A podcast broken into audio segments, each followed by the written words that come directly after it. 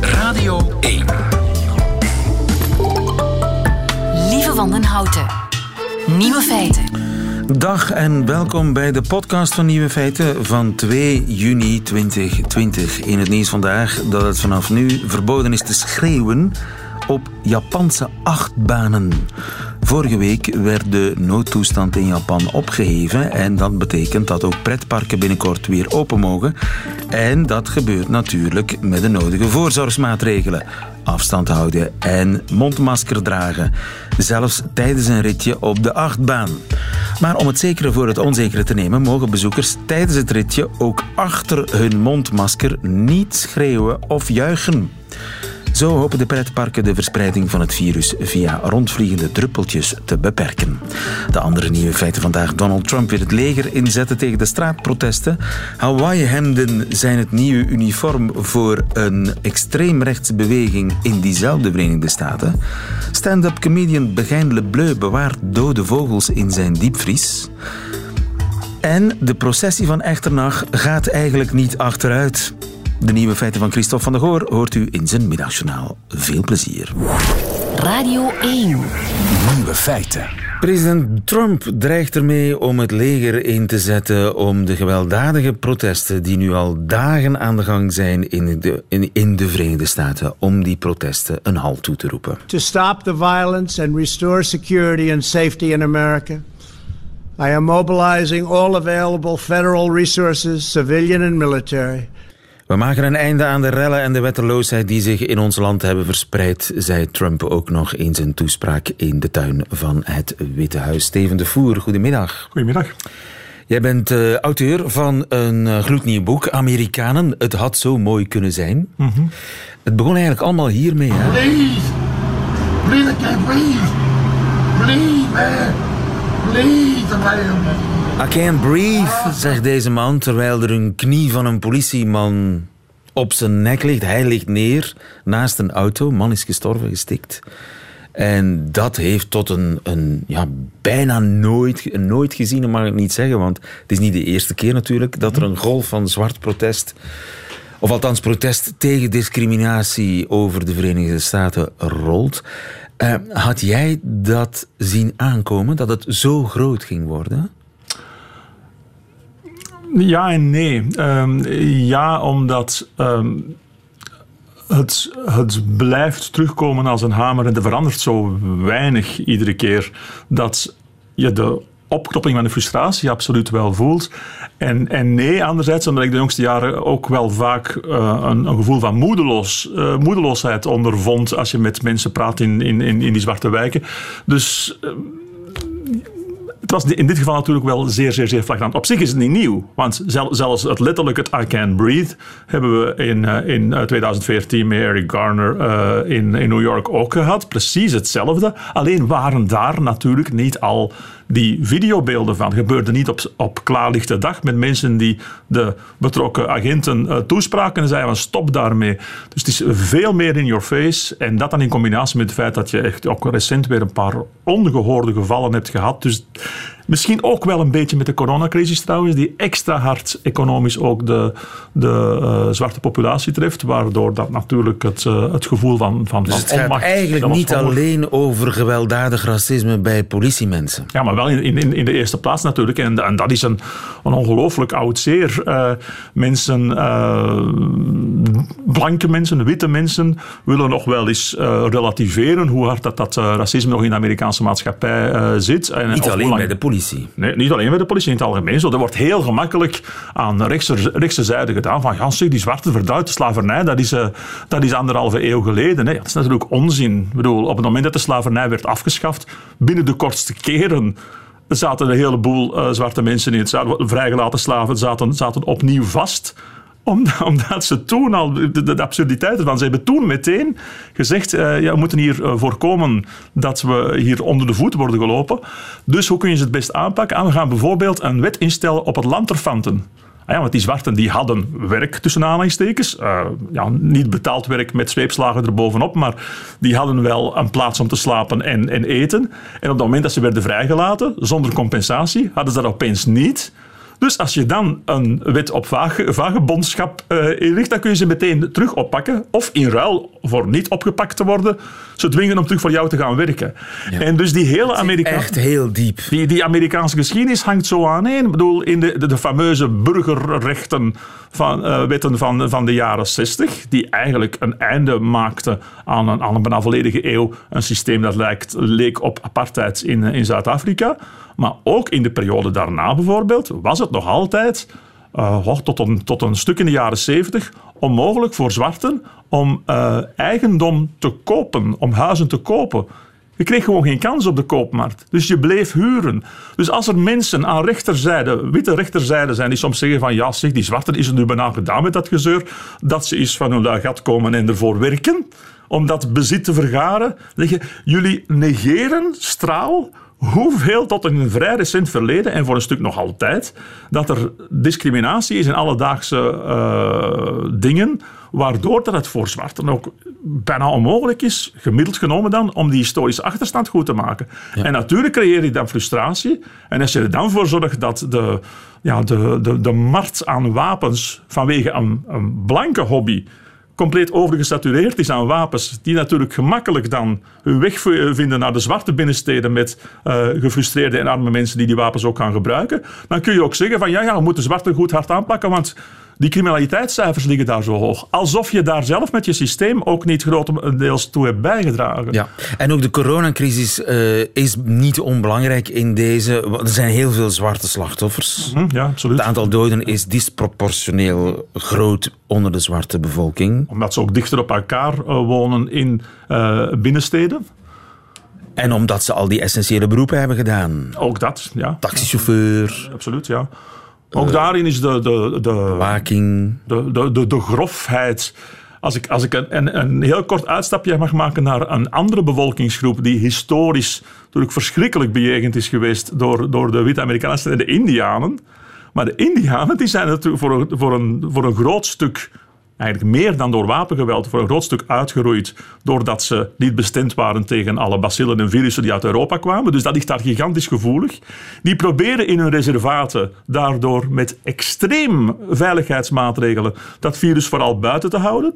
En dan heb je bijvoorbeeld onder de Sioux in South Dakota heb je dan de gouverneur die uh, tegen hen juridisch uh, in het geweer gaat omdat zij uh, wegcontroles doen bij de ingang op de highways van hun reservaten. Om Ze dus proberen zeker, zich te beschermen. En Ze proberen dat, te beschermen, dat duurt twee, drie minuten. Maar de gouverneur zegt van, zeg, is nu ben al een beetje gedaan met die indianen en die, die, die zelf regeltjes beginnen, uh, beginnen uit te vaardigen. Dus bedoel, het is een oud zeer. Die, die ongevoeligheid ja. tegen, voor, voor een historische schuld die ze hebben tegenover indianen en zwarte, die is bijzonder klein. En vandaag is dat natuurlijk in, in het licht van wat er nu gebeurt, is dat weer bijzonder schrijnend. Ja, een, een golf van protest. We zijn in een verkiezingsjaar. De president Trump, dat was te verwachten, profileert zich duidelijk als law and order kandidaat. Ja. Stuur het leger er maar op af. Ja. Wat een kopie lijkt. Zal hem dat iets opleveren? Ja, dat, ik, het, het, lijkt bijna een kopie op wat uh, Nixon heeft gedaan in de late jaren 60. Uh, waar je, je moet je dat voorstellen, je, je, hebt, uh, je, je, je, kwam dus van, vanuit jaren met democratische presidenten, die, enfin, Kennedy en dan, en, en, dan Johnson. Je zit met Nixon, die eigenlijk die loser was, die in uh, 1960 op het politieke toneel was afgevoerd. En als de Republikeinen daar op de pin mee, mee gingen komen. Maar in dat hele klimaat toen van jongeren en flower power en vrije liefde en allemaal samen betogen tegen Vietnam, is Nixon voluit gegaan op uh, tegencultureel uh, tegen, streepje tegen cultureel dan, uh, voluit voor law and order en, en al dat gedoe hier tegenwoordig, die protesten en zo. Ik ga de orde herstellen.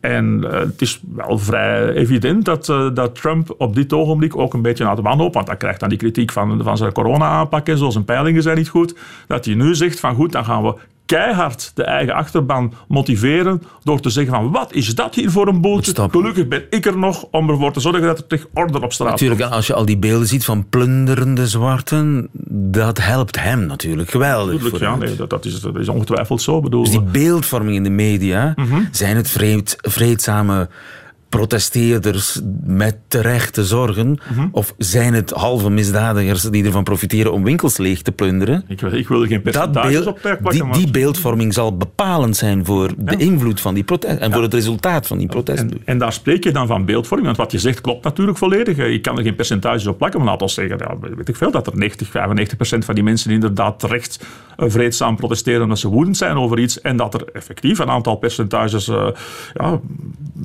door mix van, van, van woede en winstbejag en puur crapuleus gedrag eh, de, de boel op stel te zetten en, en plunderen en gebouwen in brand sta- steken. Maar het, het punt is dat eh, normaal gezien zouden mensen die nuance moeten hebben. Van, maar die nuance die vind je niet meer in Amerika, omdat die media zo gigantisch gepolariseerd zijn. Ja. Waardoor dus afhankelijk van welk medium dat je volgt, dat je ofwel het ene verhaal krijgt Het of het beeld andere. ofwel het andere beeld. Waardoor dat het eh, idee, dat er een soort van twijfelend middenveld nog bestaat in de publieke opinie in Amerika, ja, dat, dat krijgt weer nog verdere klappen. Er Terwijl natuurlijk de nood vandaag aan de grote verzoener enorm is. Ja, ja. Zal Biden die rol proberen te spelen, denk je? Wel, Ik heb voorlopig- hem nog niet gehoord. Nee, dat Ligt is, dat is wel een beetje het punt natuurlijk. Je hoort Barack Obama, je hoort Michael Jordan, eh, de, de, de basketballegende. Je hoort Biden met mondjesmaat. eh, en eh, het begint stilletjes aan. eh, kijk, tot vorige week zat hij daar ook wel vanwege corona een beetje vast in zijn kelder. Nu komt hij naar buiten. Maar de vraag zal Het wordt toch stil aan tijd, hè? ja, maar de vraag is strategisch bij de Democraten natuurlijk ook. Je zit met Joe Biden. Bekend voor zijn soms ongelukkige uitspraken. Je weet dat Donald Trump in principe zichzelf in de vernieling aan het rijden is. Dus er zijn ongetwijfeld strategen bij de Democraten die zeggen van ja, laat Even Biden rustig. stil blijven. La- laat hem maar in- Ondertussen doet hij niks verkeerd. De vraag is Maar hoe of hij zich in de vernieling rijdt. Want wie weet spreekt hij juist met dat soort stoere taal heel veel mensen aan. Ja, maar wel zijn eigen achterban. Ja. En eh, bedoel, je kunt een, eh, een, een bolletje maar één keer eh, inkleuren. Ja. En je kunt niet door er vijf keer nog eens over te gaan en een extra zwaar tellende stem hebben. Dus, dus door zijn achterban nog fanatieker te maken en ondertussen wat er nog overbleef van het redelijke middenveld te verliezen, gaat hij zich volgens mij toch niet eh, electoraal eh, sterker maken. Hoe dan ook, er valt iets te kiezen in november. Ja, dat, is, dat mag je zeker. Ik verwacht ook eerlijk gezegd dat wat er nu allemaal gebeurt. Je zat al met dat gigantische anti-Trump gevoel. En nu heb je dan aan de andere kant dat hij formidabel zijn mensen aan het mobiliseren is. Ik denk dat de, de opkomstcijfers ongezien hoog zullen zijn in november. Ja, blijf nog even zitten, want ik wil nog over Hawaii-henden met je praten. Ja. Inderdaad, echt. Maar eerst Nina Simone. The name of this tune is Mississippi Goddamn.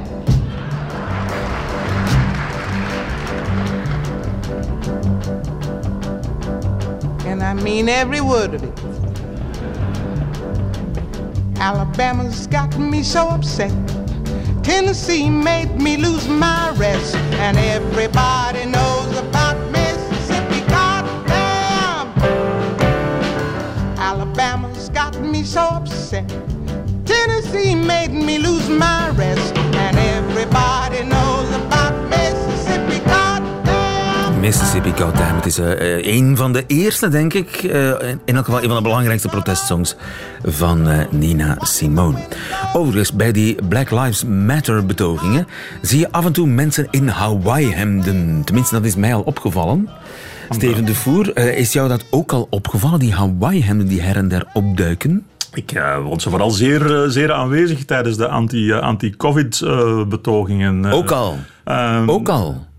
Ja, je ziet ze tegenwoordig overal waar... ehm, Wat is dat? Wel, dus, eh, waar het amalgaam bijeenkomt van de, van de fanatieke wapenliefhebbers, van de anti-overheidsdenkers, van de, van de, van de blijf van mijn, eh, ja, ja, dat heb ik net gezegd, van, van blijf van, van, van mijn wapenbeweging. Eh, het is een, een geval van, eh zo zeggen, culturele rec- recuperatie. Je hebt dus die, die hele beweging die heel erg tegen betoeteling door de, door de overheid is. Die, dus, die dus zegt van, met hun regeltjes allemaal en blijf van mijn wapens af. Zeg mij niet eh, wat ik moet doen om, eh, eh, om, om, om niet ziek te worden en dat ik daardoor niet mag gaan werken en zo. Een soort bijna religieus gevoelen dat het individu regeert en dat de overheid zich overal vanaf moet houden. ja. Dat is zeer fanatiek. Klassiek libertair standpunt. Ja, maar dat eh, de jongste jaren enorm de vleugels heeft gekregen in een bijna neonazistische eh, exponentie. Oké, het zijn dus halve neonazies. Ja. Ze zijn tegen lockdown-maatregelen.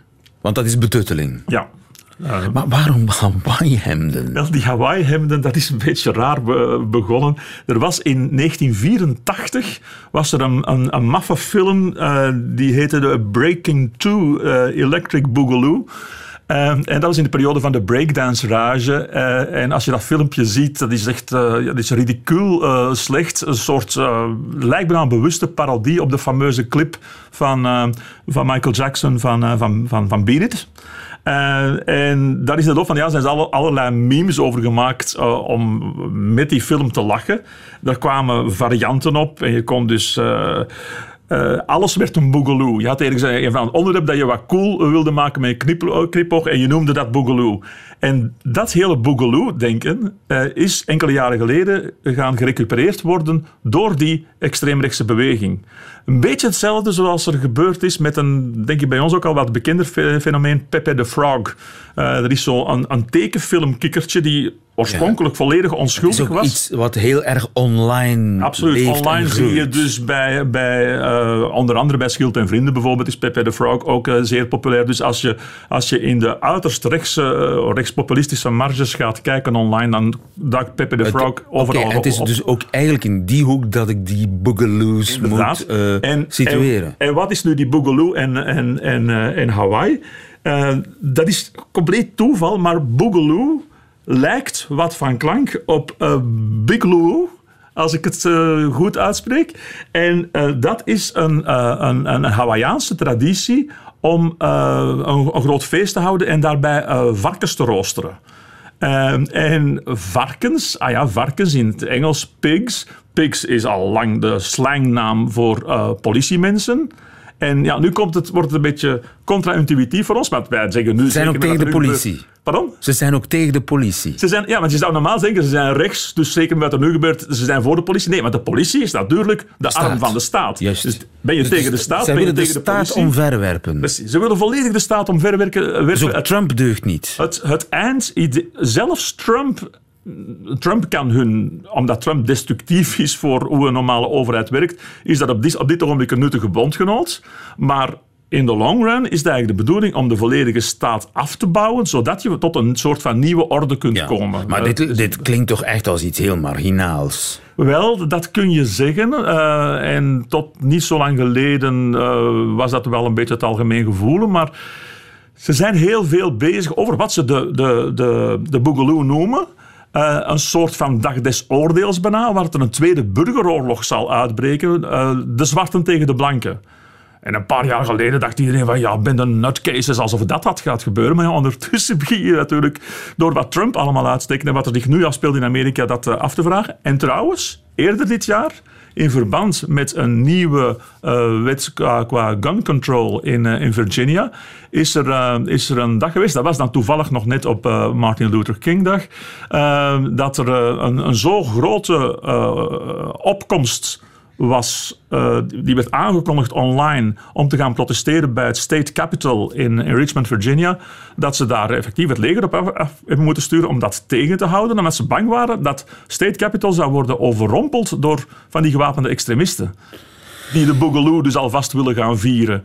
En dan, dat wordt natuurlijk wel akelig. Dan begin je je af te vragen, wat gebeurt er bijvoorbeeld als Donald Trump de verkiezingen in november verliest?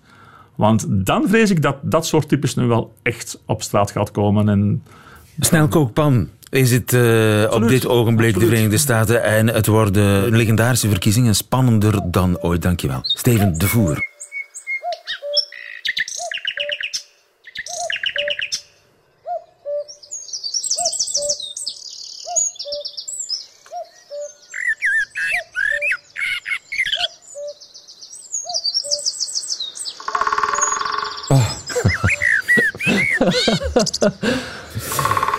Eh, voor mij mag dit nog doorgaan tot het nieuws van één uur eigenlijk. Dat. Begin Lebleu. Een- een Wie hele- dit niet mooi vindt, Ja. ja. die, die is geen mens, hè? Dit maakt u ook wel een beetje overbodig dan, niet? Ja, en misschien is dat ook de trieste waarheid. Iedereen houdt van vogels, maar voor sommigen is het een passie. Een passie die heel ver kan gaan. Voor Begijn Lebleu bijvoorbeeld, wiens boek eh, morgen verschijnt. Eh, Fuit, fuit. Friet, friet. Fuit, fuit De het. passie van het vogelkijken. En die passie gaat bij jou verder dan kijken. Want we moeten daar eerlijk in zijn, Begijn Lebleu. Jij stopt ze in je diepvries. Je bent goed ingelegd. Ja, klopt. Eh, En ik moet toegeven dat ik daar net nog een exemplaar, want daar gaat het eigenlijk over. Ik eh, kan het niet laten om roadkill mee te pikken. In, ondertussen een boerenzwaluw op de achtergrond. En een, eh, een watersnip die ik hoor. Maar bon, ik, I'm ik, impressed. Maar dus roadkill, wat door, door auto's gedood wordt, dat vind jij en je stopt het in je diepvries. Wat zit er allemaal in? Ehm, zeekoet bijvoorbeeld. Een zeekoet is zowat de Europese pinguïn. En eh, ooit gevonden op een eh, strand in Zeeland. Een eh, prachtig visetend vogeltje dat eigenlijk op de kliffen ergens in Engeland leeft, in kolonies. Is het aan zijn dood geraakt? Ehm, wel, op een gegeven moment heb ik gemerkt dat het een pootje gebroken was. En dus ik denk dat het misschien op het strand wel eventjes aangevallen is geweest door een hond of zo. Dat dus niet kunnen. noodzakelijk door een boze auto. Nee, dat niet. Dat En dus, wat niet. zit er nog in? Wel, ik heb zojuist eigenlijk een ranzuil van de straat gepikt. Hij zit in mijn koffer. een ranzuil, ik zag hem liggen. Hier op de VRT. Nee, nee. Er kan eh, koffercontrole komen hè, als je buiten ik weet, het, rijdt. ik weet het, want ik zag op Om, om te zien of je geen apparaten meeneemt. Misschien niet zo slim wat ik nu allemaal zei. Maar goed, en die uilen en, die, en al die dode vogels, Mhm. die, die zitten gewoon tussen de spinazie. Nee, mijn, mijn vrouw vond dat het tijd was om die vogels weg te halen uit de soepgroenten. En eh, ik heb een eigen vriezertje gekocht. Eigen vriezertje. Staat in mijn stal. En ik steek die erin. Vroeger kapte ik de kop eraf, omdat ik een schedelverzamelaar ben. Vooral van vogels. Oh man, dit neemt zo'n foute wending. Bon. Ehm, en eh, ik, ik vind vogelschedels prachtig, maar ik vind... Is het necrofilie? Nee, nee, nee, nee. Geef het alsjeblieft een andere naam. Het is gewoon liefde voor de natuur. Ja, maar die zitten dan in jouw diepvries. Ja. Hoe lang? Maar ik haal ze er voorlopig niet uit. Ik haal ze er enkel uit wanneer ik een wandeling heb met, hou je vast, kinderen. En ik steek die in een eh, frigobox met eh, vrieselementen. En wanneer ik een wandeling heb, en ehm, dan heb ik een aantal didactische momentjes. En één van de hoogtepunten is altijd wanneer ik zo'n vogel, zo'n dood exemplaar daaruit haal. En dan zeggen ze, wow, my god, ze zien die vogel opeens heel dicht. Want, eh, ik kom bijvoorbeeld in een park, daar zie ik een waterhoentje zitten. Ze zien dat wel van ver en ze zeggen van, ja, tof. En dan zeg ik, ik heb dat bij. Waarbij dat de gasten zeggen, ja, hoe bedoel je? En dan pak ik mijn frigobox en dan pak ik die waterhoen, want ik heb zo'n waterhoentje. Tot dan dachten ze, daar zit fristie in. Ja, gaan getrakteerd worden, maar dat worden ze ook. Maar wel van noenkel begijn door een dood exemplaar. En dan kunnen ze kijken naar die poten, kunnen ze kijken naar dat bekje, kunnen ze kijken naar die vleugels. Dus je maakt natuurwandelingen met jeugd. Mhm. ben, je, ben, je zo, is- ben je ook zo iemand met een lange lens? Dus ik vind dat Hoe lang is je lens, Begijn? Ja, mijn lens. Ik heb geen lens niet, spijt Je hebt geen ik heb, lens? Ik heb een verrekijker.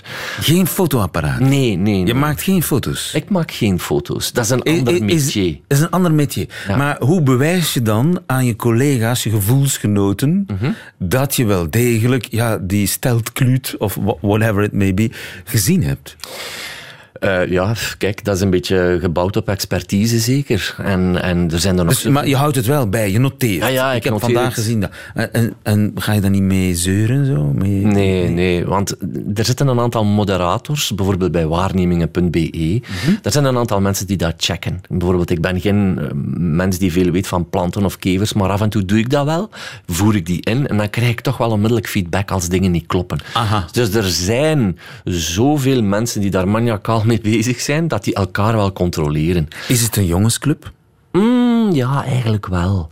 Dat- maar godzijdank zijn er wel meer en meer vrouwen die de boel wel een beetje, moet ik het Heb je zeggen? daar een verklaring voor dat het een jongensclub is? Goh, er zit wel een zekere competitiviteit in.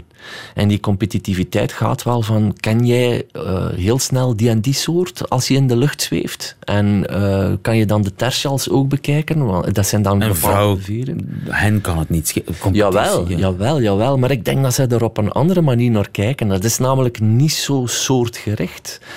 Ik heb ook een hoofdstukje in mijn boek van, een, van, een, van Ludwina. Dat is een dame die naar vogels kijkt op een totaal andere manier dan een man. Allee, niet alle mannen, hè, want we zijn hier met vooroordelen aan het strooien. Maar, Maar heeft het met jachtinstinct te maken misschien ook? Dat het toch een soort oerkracht ja, is die wordt aangesproken van...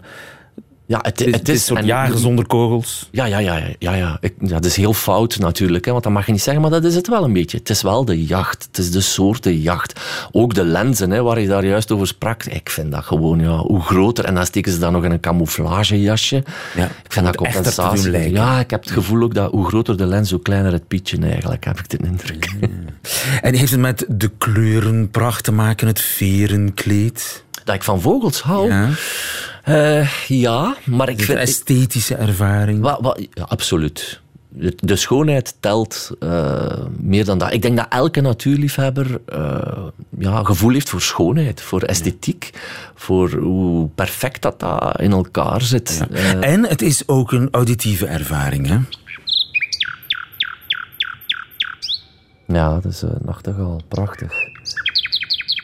Is dat jouw lievelingsvogel qua geluid? Nee. Nee. Ik vind dat een beetje een uitslover, moet ik zeggen, een nachtegaal.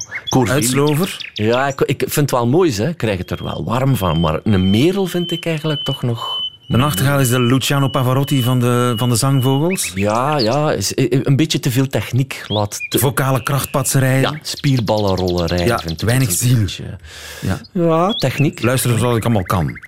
Ja. En hij kan veel, hè? Moet luisteren. Kan veel is moois, hè.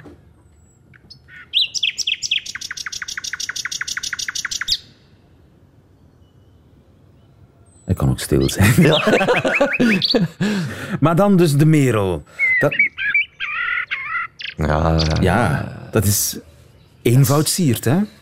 ik weet niet of dat zo eenvoudig is, maar, maar elke ochtend zit je ook stevast in mijn tuin en dan... Het is zo'n een beetje een rotsvaste standvogel en toch wel een van de mooiste zangers die er is. Hè. Ja.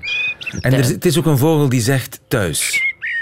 Ja, denk Ik ben wel. dat is het Ja. geluid dat ik associeer met Ja. veilig thuis. Ja, want jij vraagt je af wat vind je zo mooi aan vogels. Wel, een van de mooiste dingen vind ik niet het soorten jagen. Een van de mooiste dingen is, als ik in mijn tuin zit, wat passeert er doorheen het hele jaar? En hoe bouwt zich dat op? En hoe, hoe, hoe zie je die vogels weer vertrekken als ze eh, naar Afrika gaan, hè, zwartkop, of die gaan dan meer naar het zuiden, eh, naar Spanje en zo. Eh, en je merkte eigenlijk een soort, ja, dat is een wereld. Maar dat is een wereld waar wij vaak niet van af weten. Wij zitten nu hier in de studio, of we zitten gejaagd bezig met een aantal dingen dat we nog moeten oplossen.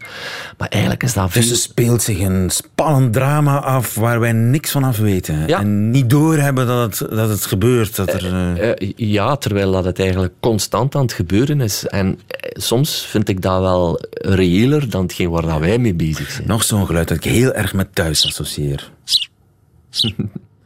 Ja, de max, hè. Huismus. Ja, lange, eindeloze zondagmiddagen, verveling. Magnifiek Maar wel van vroeger. Ja, ja, ja. ja. Je hoort dat toch minder? Ja, absoluut, ja. Ze zijn, ook, ze, ze zijn er nog wel, maar ze, die populaties zijn ontzettend aan het crashen gewoon. Omdat het is eigenlijk een... Dat is een van die drama's die zich aan het afspelen is Ja. buiten ons zichtveld. Ja. Ja, ja, eigenlijk onmiddellijk in ons gezichtsveld. Maar omdat je daar niet zo mee bezig bent, valt het je niet op. Alhoewel, je zegt het nu net, we horen het veel minder. Er is veel minder groen in de stad. Hè, want een mus is een cultuurvolger, volgt een mens. Eh, had vroeger zelfs kruimeltjes van onze tafelkleedjes. En wat is zijn grote probleem? Het gebrek aan... Wel, mussen leven kolonie. ehm, die eh, voeden jongen op en die moeten dan naar andere kolonies kunnen verhuizen.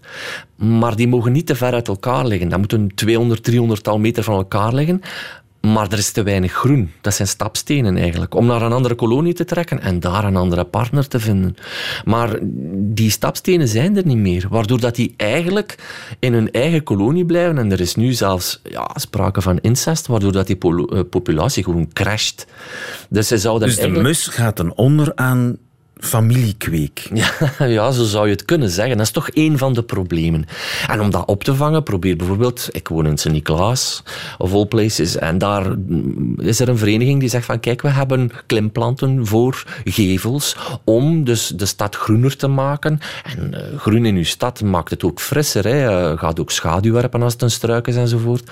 Maar die mussen kunnen dan inderdaad makkelijker verhuizen. Ze noemen dat dispersie. Dus een verspreiding van die mussen zou beter moeten kunnen opgevangen worden. En door een gebrek aan het groen is dat, of lukt dat niet meer. Begijn Lebleu, ik zou nog zo lang met jou over vogels willen praten. Jouw boek Fuit, Fuit, mm dat uh, verschijnt morgen. Ja. En uh, ik wens je daar heel veel succes mee. Dank je wel. En, en wanneer ga je nog eens op stap? Ga je liefst in je eentje? Ja, ik ben een beetje solo-slimspeler. Morgen, morgen vroeg. En waar ga je naartoe? Stropers in Stekenen. Stropersbos. Oké. Okay. Zonder lens, maar met notitie. ik wens je veel succes. Begin Bleu. Goedemiddag.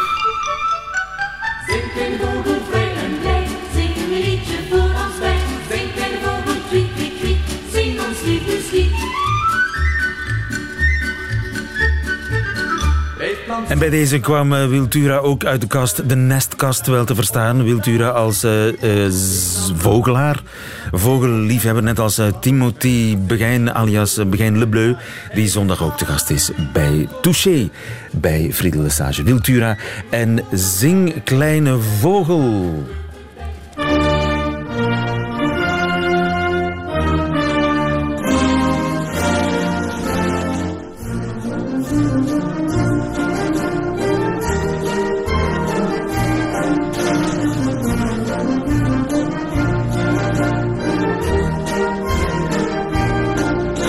Misschien herkent u het, ik herken het niet, maar het is de muziek die hoort bij de processie van Echternach, die dit jaar niet uitgaat wegens corona.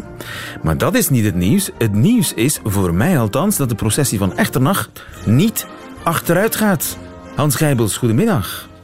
Goedemiddag. De processie van Echternach die gaat helemaal niet achteruit, zo blijkt. En dat verbaast mij, maar dat verbaast jou niet. Jij als uh, theoloog van de Universiteit van Leuven, gespecialiseerd in religieuze volkscultuur.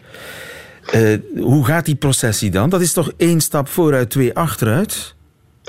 Uh, ja, let op, mij verbaast het ook hoor. Ah. Want want er zijn, ja, er zijn al teksten die 200 jaar oud zijn en die zeggen, maar nee, die processie gaat geen drie stappen vooruit en twee achteruit. Zo is het, hè? drie vooruit oh, ja. en twee achteruit. Hè? Dus dat had ik uh, helemaal verkeerd voor. Dus drie vooruit, twee achteruit. Dat is eigenlijk de klassieke, ons klassieke idee over de processie van Echternach. Ja, en ik herhaal, dus dat is al heel, heel oud.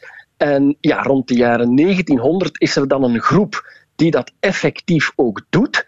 Uh, want die denken, ja, we moeten terug naar de traditie, hè, want het is traditioneel een dansprocessie. En dus er wordt helemaal niet vooruit en achter, achteruit gegaan, het is een dansprocessie. Maar, uh, zoals in carnaval, als je zo'n stoet hebt meegemaakt, die valt geregeld stil. Mhm. Nu, momenteel nemen aan die processie 10.000 mensen deel. 10.000. Dus die valt geregeld stil, vroeger ook. En vermoedelijk, dus wanneer die processie voortanste, maar wanneer die stil viel, ja, dan moesten mensen terug achteruit. En dat heeft waarschijnlijk de indruk gegeven, en vooral de uitdrukking, hè, een processie van Echternach, iets dat heel moeizaam gaat. Dus wanneer zo'n processie uh, in een file terecht kwam, bij manier van spreken, ja, moesten die groepen stoppen en ja, moesten die een beetje terug achteruit deinzen, zie je. Misschien heeft dat die indruk gegeven van die drie stappen vooruit, drie achteruit. Maar het zijn, eigenlijk, geval, het zijn eigenlijk danspasjes. Het zijn danspasjes. Het is traditioneel een dans- of een springprocessie. En zo waren er in Europa vroeger veel, maar momenteel nog maar één. En dat is die van Echternach. En die is dan meteen ook UNESCO Werelderfgoed ja. uh, benoemd. En er wordt zijwaarts gesprongen en zo, en voorwaarts gesprongen, maar in principe niet Wel, achterwaarts. Ja. Nee, nee. De muziek die je daarnet gehoord hebt is van een polka. Het is een soort polka, maar een polka wordt natuurlijk met twee gedanst. En hier lopen de mensen in rijen van vijf. En zo dansen in rij is dan weer typisch voor volksdans, zie je, en dus voor een processie, voilà. Ja, maar het is dus in de loop der jaren gegroeid omdat er zoveel volk kwam en er dus af en toe moest achteruit gedeinst worden, omdat anders de, ja, de, de zaak niet meer vooruit ging. Ja, van ouds trekt die processie enorm veel volk, immens veel. En, en momenteel lopen er in de processie meer dan 10.000 mensen. En dan spreken we dus nog niet over de toeschouwers, want ook dat piekt momenteel boven de 15.000. Dus uh, ja, er is, uh, er is heel wat te missen in Echternach vandaag. Heel wat te missen in Echternach vandaag. Het is nog nooit gebeurd sinds uh, de Tweede Wereldoorlog. de processie wijkt nooit, maar wel voor corona. Wel voor corona, inderdaad. En dat is uh, driewerf, helaas. Hans Gijbels, dankjewel. Nieuwe feiten. Dat waren ze, de nieuwe feiten van 2 juni 2020. Alleen nog die van Sportza-collega Christophe van der Goor krijgt u in zijn middagjournaal. Nieuwe feiten. Middagjournaal. Goedemiddag. Deze mail gaat over meerdere dingen. Over melancholie, groepsgevoel, de tijd van toen en de baas van Sportza, Luc van Langenhoven. Luc gaat in het najaar met pensioen na een carrière bij de openbare omroep als sportjournalist en wielercommentator op de radio, als opvolger van Jan Wouters. Nadien werd hij, zoals wel meerdere journalisten, baas. Het was in volle coronatijd, amper een kat op de redactie, bijna iedereen aan het thuiswerken, dat hij een mail stuurde om te zeggen dat we hem niet zoveel meer gingen zien, want eind september met pensioen en voordien nog heel wat verdiende vakantiedagen op te nemen. Hij dankte ons voor de inzet en voor de passie voor de job die hij bij alle Sportza-medewerkers meende waar te nemen. Plots, en het is moeilijk te omschrijven, overviel me een enorm gevoel van tristesse. Ik was er niet goed van, laat me het zo uitdrukken, en daar schrok ik zelf ook wel van. Net als mijn vrouw overigens, die de droefenis meteen herkende, maar zich tegelijk ook afvroeg van waar dat gevoel nu kwam. Want voor een baas die met pensioen gaat, really? Misschien was het ook een persoonlijke reflex, want ik zag mijn eigen loopbaan, wat klinkt dat al zwaar, bij de VRT in een flits voorbij vliegen. In het voorjaar van 1995 van de schoolbanken rechtstreeks op die redactie van de radio beland en het vak mogen leren onder de vleugels van Jan Wouters en van Langenhoven, toen amper 40 jaar jong en nu dus al met pensioen. Zoef, voorbij. De bevestiging van dat huizenhoge cliché dat de tijd vliegt. Maar eigenlijk overheerste een ander gevoel, het gevoel dat dit het einde van een tijdperk was. U moet weten dat de sportredactie van de radio in kamer 3L16, zo heette dat redactielokaal destijds, en misschien heeft u er ooit wel eens een boze gele briefkaart naar gestuurd, dat er dus op die kleine redactie een iets wat speciaal groepsgevoel heerste. Een wij tegen de rest. Je maakte deel uit van een klein bataljon, immer klaar voor de strijd, namelijk het coveren van de mondiale sportwereld met die kleine, piepkleine radioredactie, amper een tiental vaste mensen. Pas op, hier waakt mijn hond. Zoiets. Frank Raas, Leo Hellemans, Mark Stassijns, Dirk Abrams, Koen Meulenaren, allemaal gepasseerd via die sportredactie van de radio. Alleen al door die voorgangers en voorgeschiedenis plooide je jezelf dubbel. Geen enkel interview ging de eter in vooraleer het werd voorgelegd aan en gezamenlijk beluisterd door de aanwezige collega's. Heel vaak ging je met de billen bloot, harde leerschool, jawel, vijf keer tegen het canvas, zes keer recht staan. Leren, kijken, voelen en weer doorgaan, zoiets. Omgaan met kritiek. O, zo moeilijk, want iedereen, jawel, lange tenen en een ego. Samen dagelijks toewerken naar kwart voor zes. Wat is er van de sport? Wat is er van de sport? Oef, dat was op het nippertje, maar wel alweer net de deadline gehaald. Prachtig gevoel. Heel in de verte hoor ik u denken: je wordt ouder, papa, geef het maar toe. Ja, kan best. En ja, de dingen evolueren en je mag niet in het verleden leven. I know, volledig mee akkoord. Maar de tijd van toen, bij die kleine radioredactie, had ik nooit of te nimmer willen missen. Wij tegen de wereld, elkaar voortdurend beter en scherper makend. En dat komt nooit meer terug, besefte ik plots, door een mail over een pensioen.